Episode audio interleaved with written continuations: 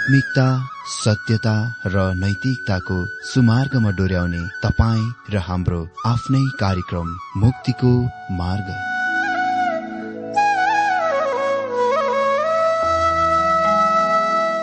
आदरणीय श्रोता यस मुक्तिको मार्ग कार्यक्रममा हार्दिक स्वागत छ। आशा छ यस आत्मिक कार्यक्रमद्वारा जीवनमा आत्मिक आशिष अलौकिक शान्ति र आनन्द प्राप्त गर्नुहुनेछ। र जीवनमा धन्य अनुभव गर्नुहुनेछ। आउनुहोस् श्रोता। मन र आत्माको तयारीको लागि यो मिठो अनि मधुर भजन गीत सुनौ।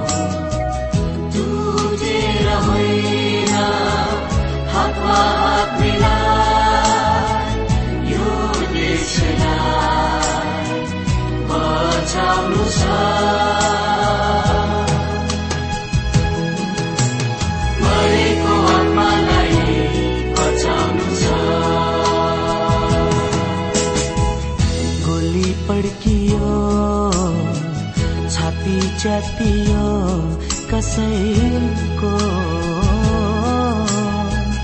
क्रिसलाई नपाए मरे छति आत्माहरू।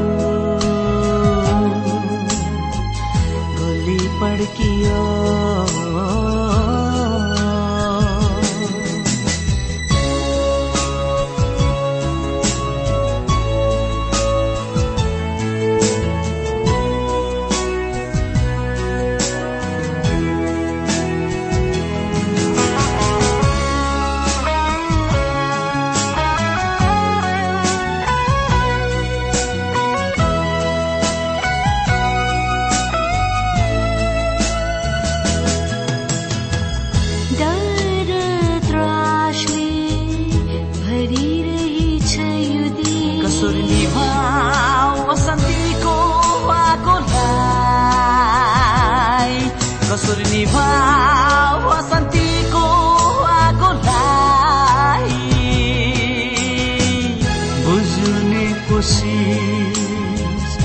कसैले पनि गर्दैन।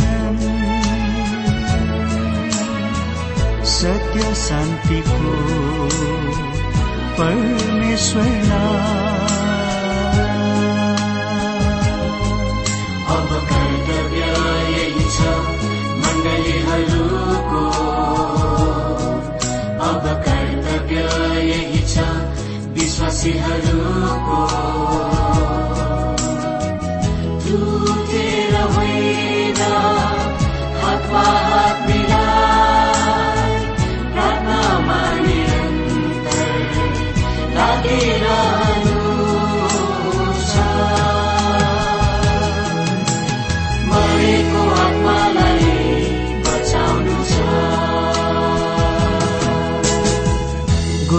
पड्कियो छाती च्यातियो कसैको। क्रिसलाई नपाए मरे छती आत्माहरू। गोली पड्कियो छाती च्यातियो कसैको।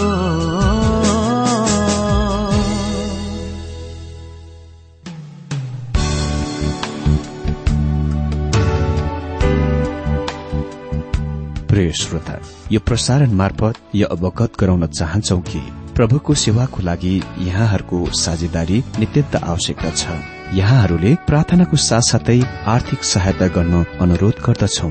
तपाईँहरूको सानो भन्दा सानो भेटी किन नहोस्? हामी प्रभुको नाममा स्वीकार गर्नेछौ प्रभुको सेवाको लागि। तपाईँहरूको यो सानो लगानीले कसैको जीवनमा भिन्नता ल्याउँछ अनि प्रभुको महिमा हुन्छ। प्रभु तपाईँहरूलाई महान गरी आशिष दिनुहुनेछ। इच्छुक श्रोताहरूले तपाईँको इच्छा भेटी हाम्रो ठेगानामा पठाउन सक्नुहुन्छ जुन ठेगाना हामी कार्यक्रमको अन्तमा दिनेछौ। प्रिय श्रोता मित्र प्रभु येशु ख्रिष्टको मधुर अनि सामर्थ्य नाममा मेरो जयमसी तथा हार्दिक स्वागत छ आजको यो बाइबल अध्ययन कार्यक्रममा। श्रोता म आशा गर्दछु तपाईँ सबै आनन्द कुशलै हुनुहुन्छ होला। म पनि प्रभुको अनुग्रहमा आनन्द कुशलै छु। तपाईँहरूका सुन्दर पत्रको लागि धेरै धेरै धन्यवाद र आउने दिनहरूमा पनि यसरी नै पत्रचार गर्न भुल्नुहुने छैन। अनि हामी पनि तपाईँहरूको पत्रको यथासम्भव चाँडोभन्दा चाँडो उत्तर दिने कोसिस गर्नेछौ। अनि एसएमएस फोन कल पनि गरिरहनुहोला। अनि हामी पनि तपाईँहरूको फोन कल अनि एसएमएसको उत्तर दिनेछौ। श्रोता पवित्र धर्मशास्त्र बाइबलको क्रमबद्ध अनि श्रृङ्खलाबद्ध अध्ययनको क्रममा आज हामी ओबदिया एक अध्याय दसदेखि चौध पदसम्मबाट बाइबल अध्ययन गर्न गइरहेका छौं। यहाँ हामी एदमको अपराधका सूचीहरू देख्न गइरहेका छौं जुनको लागि परमेश्वरले एदमलाई नष्ट गर्न गइरहनु भएको थियो। हामीले पहिले भनिसकेका छौं कि जीवनको घमण्ड तिनीहरूका सबभन्दा ठूलो पाप थियो। तर यस पापले अन्य पापहरूको गर्नतिर पनि अगुवाई गरेथ्यो। अगुवाई अर्थात् थियो। घमण्ड एक मनोस्थिति हो मनोवृत्ति हो तर यो मनोस्थितिको तपाईँ लामो समयसम्म छिपाउन सक्नुहुन्न। यो कुनै न कुनै समयमा विस्फोट हुनेछ। तपाईँको जीवनको दर्शन शास्त्र बिस्तारै बिस्तारै आफ्नै तरिकामा आफ्नै चालमा तपाईँका हातहरू तपाईँका खुट्टाहरू तपाईँका आँखाहरू र तपाईँका सम्पूर्ण इन्द्रियहरूमा काम गर्न गइरहेको छ। तपाईँ त्यो दर्शन शास्त्रको कुनै न कुनै तरिकामा र कुनै न कुनै चालमा व्यक्त गर्न गइरहनु भएको छ। यदि तपाईँ ईश्वरविहीन अधर्मी हुनुहुन्छ भने तपाईँ ईश्वरविहीन वा अधर्मी जीवन दोहोऱ्याउन गइरहनु भएको छ। यदि तपाईँ ईश्वरीय र धर्मी हुनुहुन्छ भने तपाईँ ईश्वरीय र धर्मी जीवन डोर्याउन गइरहनु भएको छ। त्यसले स्वाभाविक रूपमा पछ्याउँछ। त्यसकारण ओबदियाले ती भयानक पापहरूका एक एक गरेर उच्चारण गर्न गइरहेका छन् जुन एदमको घमण्डबाट आएथ्यो। तपाईँ यस बिन्दुमा याद राख्नै पर्छ कि एसाउ र याकुब दाजुभाइ वा जम्ल्या दाजुभाइ थिए। तिनीहरू एउटै रूप र एउटै स्वभावका जम्ल्या बच्चाहरू थिएनन्। तर तिनीहरू बिल्कुल आपसमा ठिक विपरीत र भिन्न थिए। तिनीहरू एउटै परिवारमा हुर्के बढेका थिए र तिनीहरूका एकै आमा र बुबा थिए।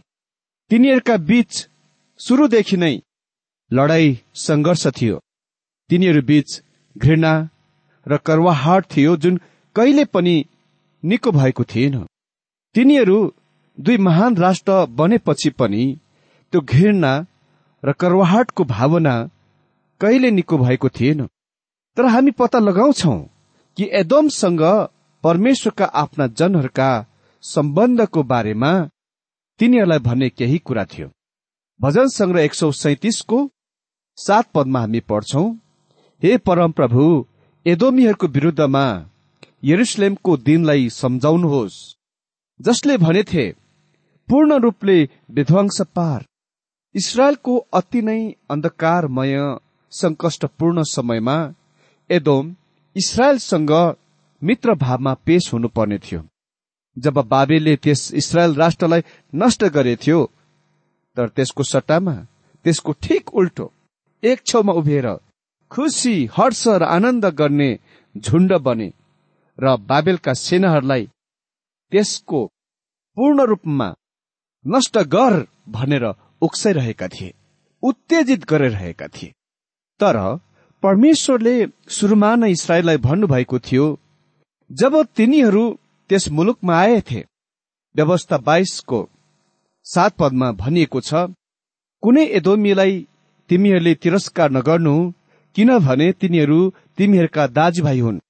कुनै मिश्रीलाई पनि तिमीहरूले तिरस्कार नगर्नु किनभने उनीहरूको देशमा तिमीहरू प्रवासी थियो। एदोमीसँग इसरायलको सम्बन्ध अझ महान थियो। त्यो उसको दाजु खुनको सम्बन्धको दाजु थियो अनि त्यस तथ्यको कारण परमेश्वरले भन्नुभयो तिनीहरूले उसलाई घृणा कदापि गर्नु हुँदैन थियो। तर हामी देख्नेछौ कि एदोम तिनीहरूका राष्ट्रको इतिहासको सम्पूर्ण अवधिभरि इसरायलप्रति घृणा र कर्वाहटको प्रकट गर्यो। त्यहाँ पाँच विशेष क्रियाहरू थिए जुन यहाँ उल्लेख भएका छन् जुन घमण्डबाट निस्केका छन्। जुन परमेश्वर रहित परमेश्वर बेगर तिनीहरू जिउन सक्ने तिनीहरूका आफ्नो मनोवृत्तिबाट निस्केका छन्। अनि पहिलो क्रिया चाहिँ जबरदस्त हिंस्रा हो। ओबदिया एक अध्ययको दश पदमा लेखिएको छ तेरो भाइ याकुबको विरुद्धमा गरेको उपद्रवको कारण तलाई शर्मले ढाक्नेछ र त सदाको निम्ति नष्ट हुनेछस्। तिनीहरूलाई दुई कुराहरू घट्न गइरहेका थिए। शर्मले तलाई ढाक्नेछ। अन्तिममा बाबेले त्यस पेट्राको सहरलाई कब्जा गर्न सक्षम भयो। र त्यहाँका बासिन्दाहरूलाई बन्धुवा वा कैदमा लग्यो। त्यहाँ जो अवधि थियो जुनमा तिनीहरू मानिसहरू कैदी मानिसहरू थिए। दोस्रो त सदाको निम्ति नष्ट हुनेछस्। एदोम राष्ट्रको रूपमा पूर्ण रूपमा नष्ट हुने थियो। अनि यो चाकलाग्दो कुरा छ कि हाम्रा यो दिनमा हामी इसरायलको बारेमा धेरै कुरा सुन्छौ तर एदोमको बारेमा केही पनि सुन्दैनौ। एदोम त्यो राष्ट्र थियो जुन परमेश्वर रहित परमेश्वर बेगर नै जिउन प्रयास गरेको थियो र तिनीहरू हिंस्रक युद्ध रचाउने मानिसहरू थिए। हिंसा परमेश्वरको विधि होइन। युद्ध वा हिंसाले कुनै कुराको समाधान गर्न सक्दैन। अनि एदमको विरुद्ध दोस्रो आरोप अभियोग यो हो कि तिनीहरू इसरायलका शत्रुहरूसँग मिले। एघार पदमा लेखिएको छ जुन दिन त टाढे उभिस जुन दिन परदेशीहरूले त्यसका धन सम्पत्ति खोसेर लगे र विदेशीहरूले त्यसका ढोकाहरूबाट भित्र पसेर यरुसलेमको निम्ति चिट्टा हालेते त तिनीहरू जस्तै थिइस्। इसरायलका मानिसहरूसँग मित्र हुनको सट्टामा र तिनीहरूलाई सहायता दिनको सट्टामा किनकि तिनीहरू आपसमा रगतका नातादार दाजुभाइ थिए। तिनीहरू क्रूर शत्रुहरूको पक्षतिर लागे जसले इसरायल राष्ट्रलाई आक्रमण गरेको थियो अनि बाह्र पदमा लेखिएको छ तैले तेरा भाइको दुर्भाग्यको दिनमा उसले हेल्ला गर्नु हुँदैनथ्यो न त यहुदाका सन्तानका सर्वनाशको दिनमा रमाउनुहुन्थ्यो। न त तिनीहरूका संकष्टको दिनमा तैले घमण्ड गर्नुहुन्थ्यो। ती एदोमीहरू यहुदामा आएको त्यो संकष्ट र विनाशमाथि अति नै धेरै खुसी भए। रमाए त्यो सधैँ घमण्डको क्रिया हो। जब तपाईँ कुनै मानिस अर्को मानिसले सामना गरिरहेको कष्ट समस्याहरूमाथि आनन्द र खुसी गरिरहेको सुन्नु भए तपाईँ यस कुरामा निश्चय हुन सक्नुहुन्छ। तपाईँ त्यस्तो मानिसहरूको कुरा सुनिरहनु भएको छ जो अति नै धेरै घमण्डी छ। घमण्ड त्यस्तो एक कुरा हो जुन परमेश्वर भन्नुहुन्छ कि उहाँ घृणा गर्नुहुन्छ। अहिले एदोमीहरूको निर्दयी चौथो क्रिया हो लुटपाट। तेह्र पदमा लेखिएको छ मेरो प्रजाका विपत्तिको दिनमा त तिनीहरूका ढोकाहरूबाट भित्र पस्नु हुँदैनथ्यो न त तैले तिनीहरूका विपत्तिको दिनमा हेला गर्नुहुन्थ्यो। न त तिनीहरूका विपत्तिको दिनमा तिनीहरूको धन सम्पत्ति खोसेर लानुहुन्थ्यो। मित्र ती एदोमीहरू इसरायलको विरुद्ध शत्रुहरूसँग खाली मिलेनन् तर वास्तवमा तिनीहरू शत्रुले इसरायललाई बन्धुवा वा कैदमा लगेपछि लुटपाट गर्न गए। मेरो श्रोता घमण्डले मानिसलाई त्यस्तो क्रिया भयानक कुरा गर्न डोर्याउनेछ अनि तिनीहरू मध्ये एउटा हो चोरी गर्नु। धेरै मानिसहरू आफ्नो व्यापारमा आफूलाई अगाडि राख्न केही बेइमान्दारी विधिहरूको सहायताको लागि आश्रय लिनेछन्। साथै धेरै मानिसहरू कुनै स्त्रीलाई आफ्नो पत्नीको रूपमा आफूतिर खिच्नलाई आकर्षण गर्न वास्तवमा बेइमानी विधि र तरिकाको सहायताको लागि आश्रय लिनेछन्। मूल समस्या घमण्ड हो। परमेश्वरबाट अलग भएर आफ्नो जीवन जिरहने घमण्डी मानिस यस प्रकारको कुराहरूतिर भएर जानेछ। बाइबल अझै मनोविज्ञान सम्बन्धको उत्तम पुस्तक हो। यसले तपाईँलाई मानव हृदयमा समस्याको जडतिर लानेछ। अमित्र यो सानो पुस्तक ओबदियामा तपाईँ पत्ता लगाउनु हुनेछ कि कुनै व्यक्ति विशेष र कुनै राष्ट्रलाई विध्वंसतिर बर्बादीतिर ल्याउने मुख्य जड वा कुरा हो घमण्ड अहिले यहाँ पाँचौं क्रिया छ जुन घमण्डबाट आउँदछ चौध पदमा लेखिएको छ। त्यसका भागेर गएकाहरूलाई मार्न त दोबाटोमा पर्खिरहनु हुँदैन थियो। न त त्यसका दुःखको दिनमा त्यसका बाँचेकाहरूलाई तैले पक्राइदिनुहुन्थ्यो। मेरो विचारमा यो तिनीहरूको सबभन्दा निच घटिया क्रिया हो। यसमा तिनीहरूले आफ्ना पशु स्वभावको प्रकट गरे। तिनीहरूले आफ्ना खुनका सम्बन्धका दाजुभाइहरूलाई धोका दिए। जब नवकनेश्वरले यरुसलेममा आक्रमण गरे त्यहाँ बस्ने बासिन्दाहरू चारैतिर तितर बितर छरपष्ट भए। र तिनीहरू धेरै चाहिँ त्यो एदमको कर्कस मुलुकतिर भागे जहाँ तिनीहरू छिपिन सक्थे बाटोमा दोबाटोमा रमिता हेर्दै उभिरहेका एदोमीहरूले तिनीहरूका छिपिने स्थानहरूको धोका दिए। विश्वासघात गरे। जब बाबेलका सिपाहीहरू यताउता चारैतिर ती भाग्ने भगौडे इसरायलीहरूका खोजी गरिरहेका थिए एदोमीहरूले भने हामीले इसरायलीहरूलाई यता आएका देखेका थियौं। तिनीहरू त्यस बाटोतिर गए। तिनीहरू त्यस गुफा त्यस चट्टान मुनि छिपेर बसेका छन् त्यस ओडारमा भेटाउनेछौ तिनीहरूले आफ्ना भाइहरूलाई दाजुहरूलाई आफ्ना सम्बन्धका नातेदारहरूलाई धोका दिए। केही समय पहिले एक ठूलो व्यापारीले मलाई भनेथे वाणिज्य संसार जति खान सक्छ खाओ जसरी खान सक्छ खाओ त्यो नै हो।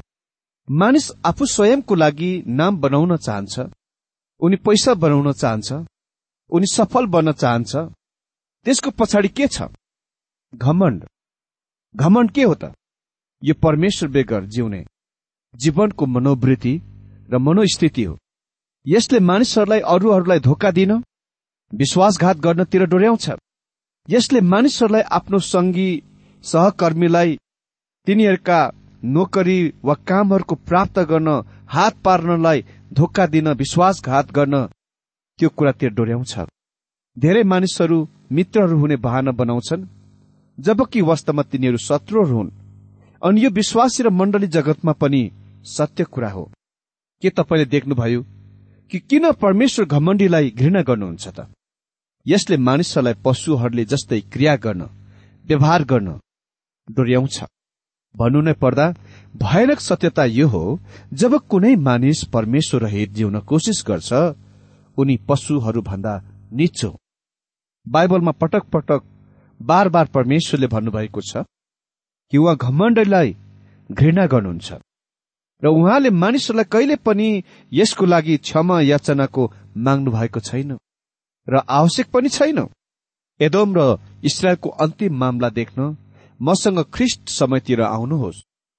म गालिलको समुद्रको किनारमा सामरियाको धुलै धुलो भएको बाटोमा र यरुसलेमको सागुरा बाटाहरूमा एकजना मानिस हिँडिरहेको देख्छु।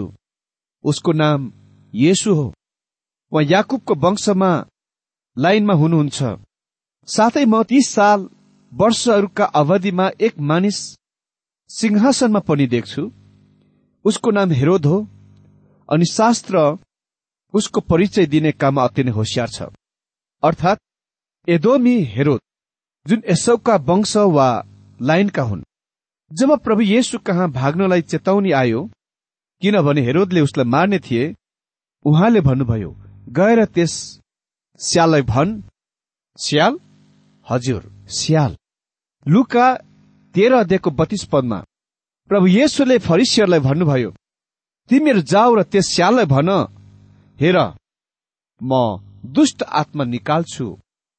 अनि आज र भोलि म निको पार्ने काम गर्छु अनि तेस्रो दिनमा म सिद्ध्याउने छु अनि जब प्रभु येशुलाई अन्तिमसम्म इन्साफको लागि उसको सामने ल्याइयो उसले हेरोदको सामने आफ्नो मुख पनि खोल्नु भएन।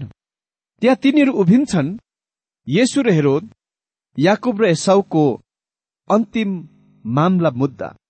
मित्र हामीले बितेका दुई दिनदेखि यस विषयमा हेरिरहेका छौं एदमको विरुद्ध अभियोग। र आज हामीले देख्यौं एदमको अपराधहरू। अर्को दिनमा हामी देख्नेछौ एदममाथि आकस्मिक विपत्ति सर्वनाश। परमेश्वरले आफ्नो वचन अध्ययनमा हरेकलाई धेरै धेरै आशिष दिनुभएको होस्।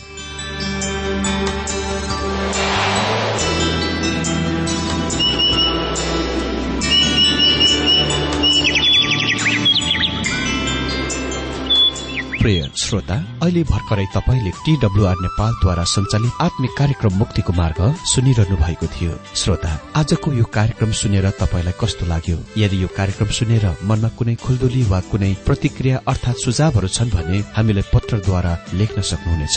हामी हृदयदेखि नै स्वागत गर्नेछौ स्वीकार गर्नेछौ साथै बाइबल सम्बन्धित प्रचारहरू कार्यक्रम सारणीहरू हामी अनुरोधमा पठाउन सक्छौ। अनि तपाईँसँग कुनै प्रार्थनाको विषय छन् भने हामीले तपाईँको लागि प्रार्थना गरेको चाहनुहुन्छ भने प्रभुमा आफ्नै परिवार सम्झेर हामीलाई पत्रमा लेख्न सक्नुहुनेछ। तपाईँको लागि हामी प्रभु येशुसँग प्रार्थना गर्नेछौ।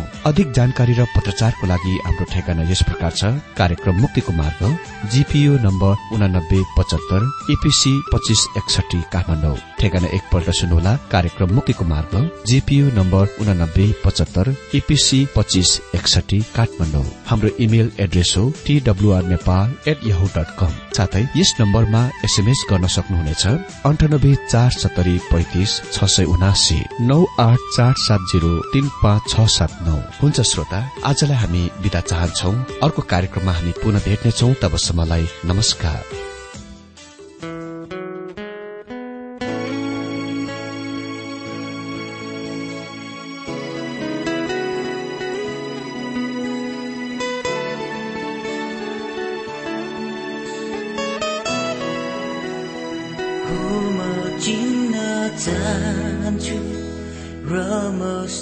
स्तुति गाउनेछु र म घुडा टेक्नेछु।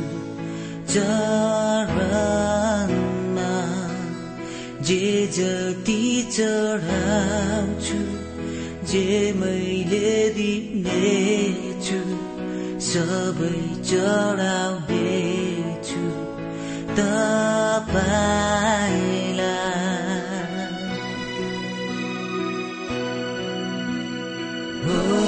Cinta tahancu Remes tu tiga mecu Rama gulati mecu Carama Jejati caramcu Jemai redi necu Sabai caram necu Tak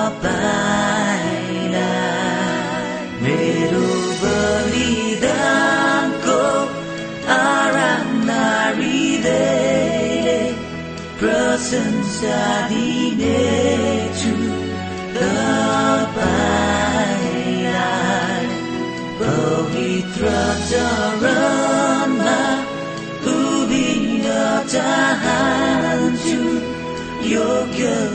aratnaku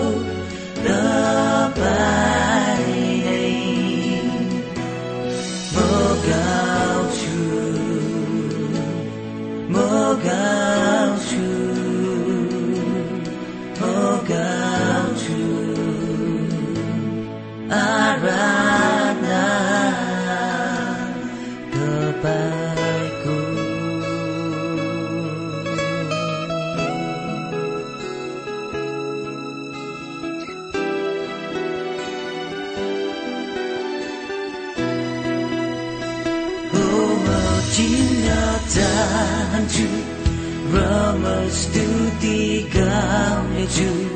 ब्रह्म कुरा टेक्नेछु चरणमा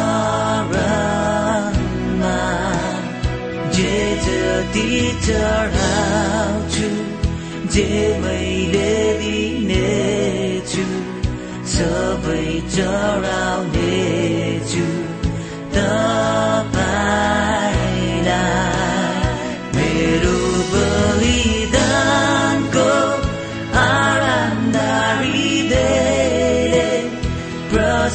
sa dilim